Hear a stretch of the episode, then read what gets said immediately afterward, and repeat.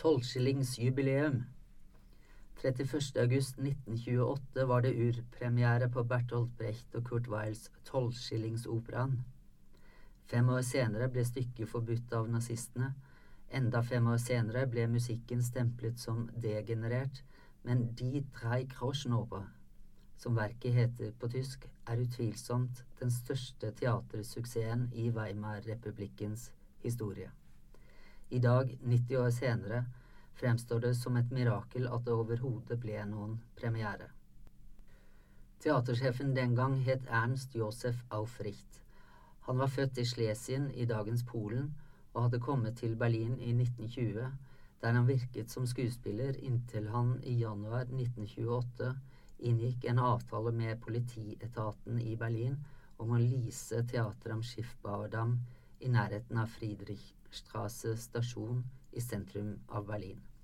Nå ville han renovere bygningen slik at det var et moderne og innbydende teater som sto klart til å ta imot publikum når teatersesongen begynte den siste kvelden i august.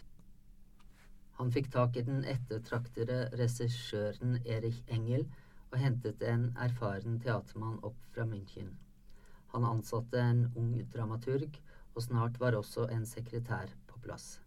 Men hva skulle de spille? Erich Engel foreslo Frank Wedekins Frühlingserwachen. Aufricht likte ikke den ideen.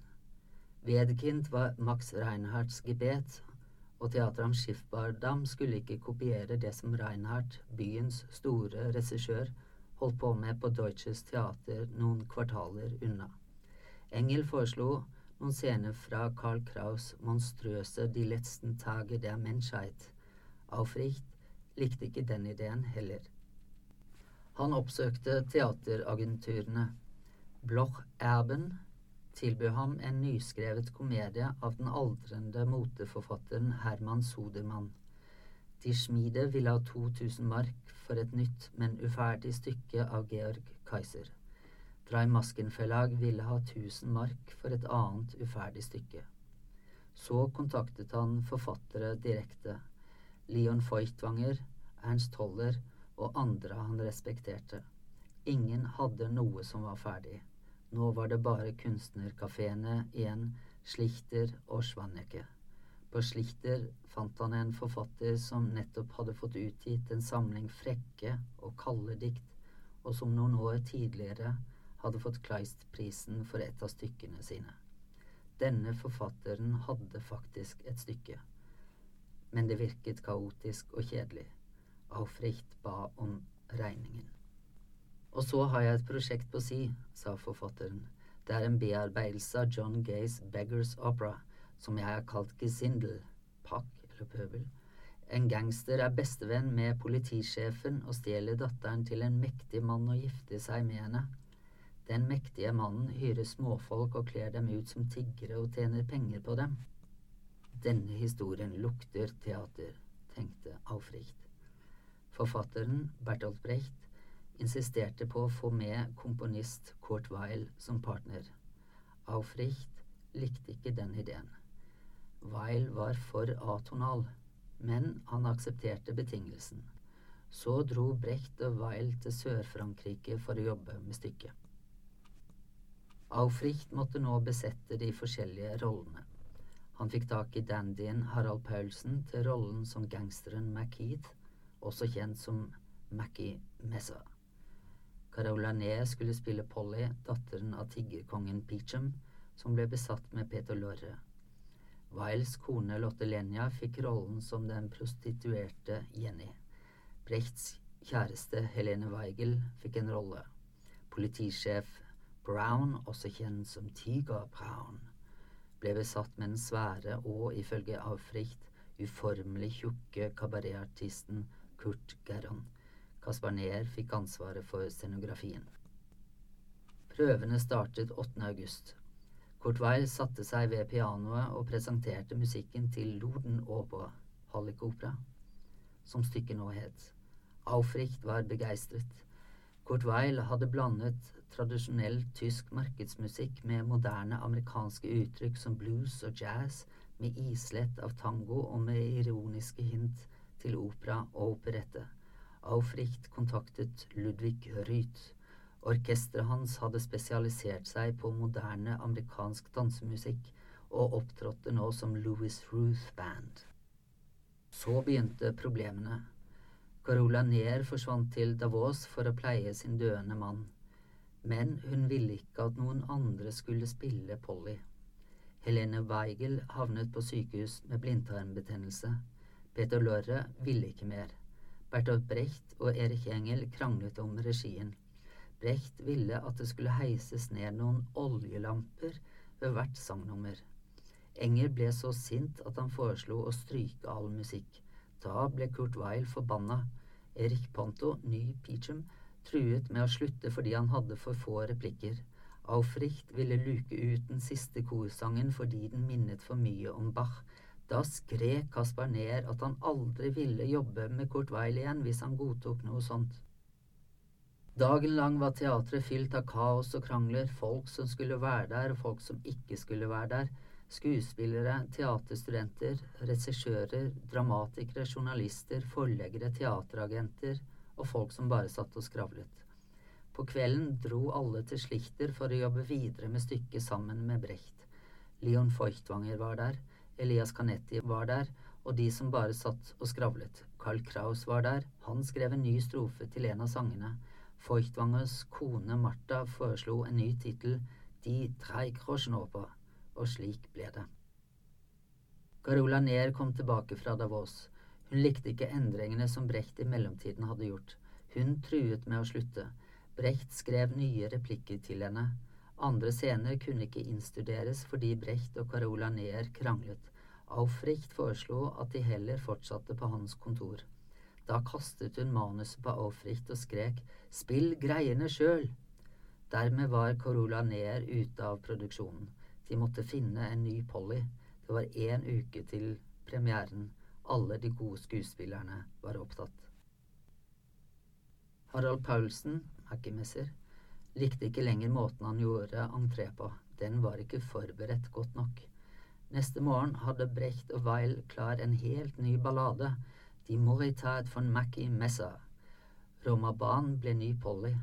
Erik Engel fortsatte å krangle med Brecht om oljelampene, men også om en trehest som Brecht mente skulle skyves inn på scenen som en deus ex machina. Vi lager ikke barneteater, ropte Aufricht. Helene Weigel var tilbake fra sykehuset og satt i salen og hoiet. Hesten, hesten! Caspar Neer likte ikke stoffet som sceneteppet var laget av. Harald Paulsen ville bestemme kostymet sitt selv. Erik Engel orket ikke mer. Brecht tok over som regissør. 30. august skrev Rosa Valetti, som var fru Peachum, kontrakt med et annet teater som hadde prøvestart 1. september, dagen etter premieren på en produksjon som ingen lenger hadde tro på, bortsett fra Brecht. Om kvelden 31. august 1928 holdt scenearbeidere fortsatt på med lyskasterne mens publikum satte seg. På grunn av en feil havnet kritikerne Alfred Kerr og Herbert Gjering ved siden av hverandre. Ingen hatet hverandre mer intenst. Teppet gikk opp. Lirekassen til åpningsnummeret De Moritat von Mackie Messer virket ikke. Louis Ruth Band begynte å spille. Harald Paulsen smøg seg over scenen. Det var Mac med kniven, forklarte Lotte Lenja. Ingen respons fra publikum. Erik Ponto sang den blasfemiske Morgen Choral des Pichum. Våkn opp, du råtne Kristus. Ingen respons. Romaban sang om sjørøver-Jenny. Ingen likte den sangen. Kurt Gerran og Harald Paulsen begynte å synge Kanonens sang. Da kom omslaget. Plutselig var publikum i ekstase. De klappet og ville synge med. Gerron og Paulsen måtte synge Kanonens sang om igjen. Alle var begeistret. Alle elsket tolvskillingsoperaen. Alle de oppsatte forestillingene ble utsolgt nærmest over natta. Corolla Neer forlangte å få rollen sin tilbake. Det var tolvskillingsfeber over hele Tyskland. Tolvskillingsmusikken kom ut som plater og noter. Louis Ruth Band var selve tolvskillingsbandet. En egen tolvskillingstapet ble lisensiert med figurer fra stykket. Allerede i januar 1929 ble tolvskillingsoperaen spilt på 19 tyske scener og dessuten i Praha, Wien og Budapest. Ved sesongslutt i juni 1929 var den spilt over 4000 ganger i 200 forskjellige oppsetninger. I 1930 kom tolvskillingsoperaen til Norge. Martha Feuchtwangers forslag var smart, for tittelen Die drei Groschenoper henspiller på de såkalte drei Groschen-hefte, med billig og barsk kiosklitteratur. Den norske så vel som den svenske tittelen er også smart, for nordmenn den gang visste at et tolvskillings brød var et husholdningsbrød av grovt mel, og svenskene visste at et tolvskillingsblikk er et velvillig, nedlatende blikk som man kunne møte tiggere og andre med. Balladen om Mac med kniven er tolket av Louis Armstrong, Ella Fitzgerald, Bobby Darin, Milva, Frank Sinatra, Hildegard Knef, Sting og mange andre. På 1980-tallet dukket den opp i en reklame for hamburgerkjeden McDonald's. På YouTube kan man også høre Die Moritat von Mackie Messa i et opptak fra 1929 der Brecht synger og Louis Ruth Band spiller. Det samme opptaket ble ni år senere, i 1938, presentert på en utstilling i Düsseldorf.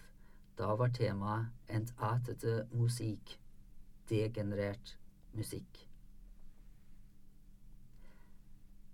Essayet Tolvskillingsjubileum ble publisert i Klassekampen 31.8.2018 på dagen 90 år etter upremieren på De tre Groschenoper.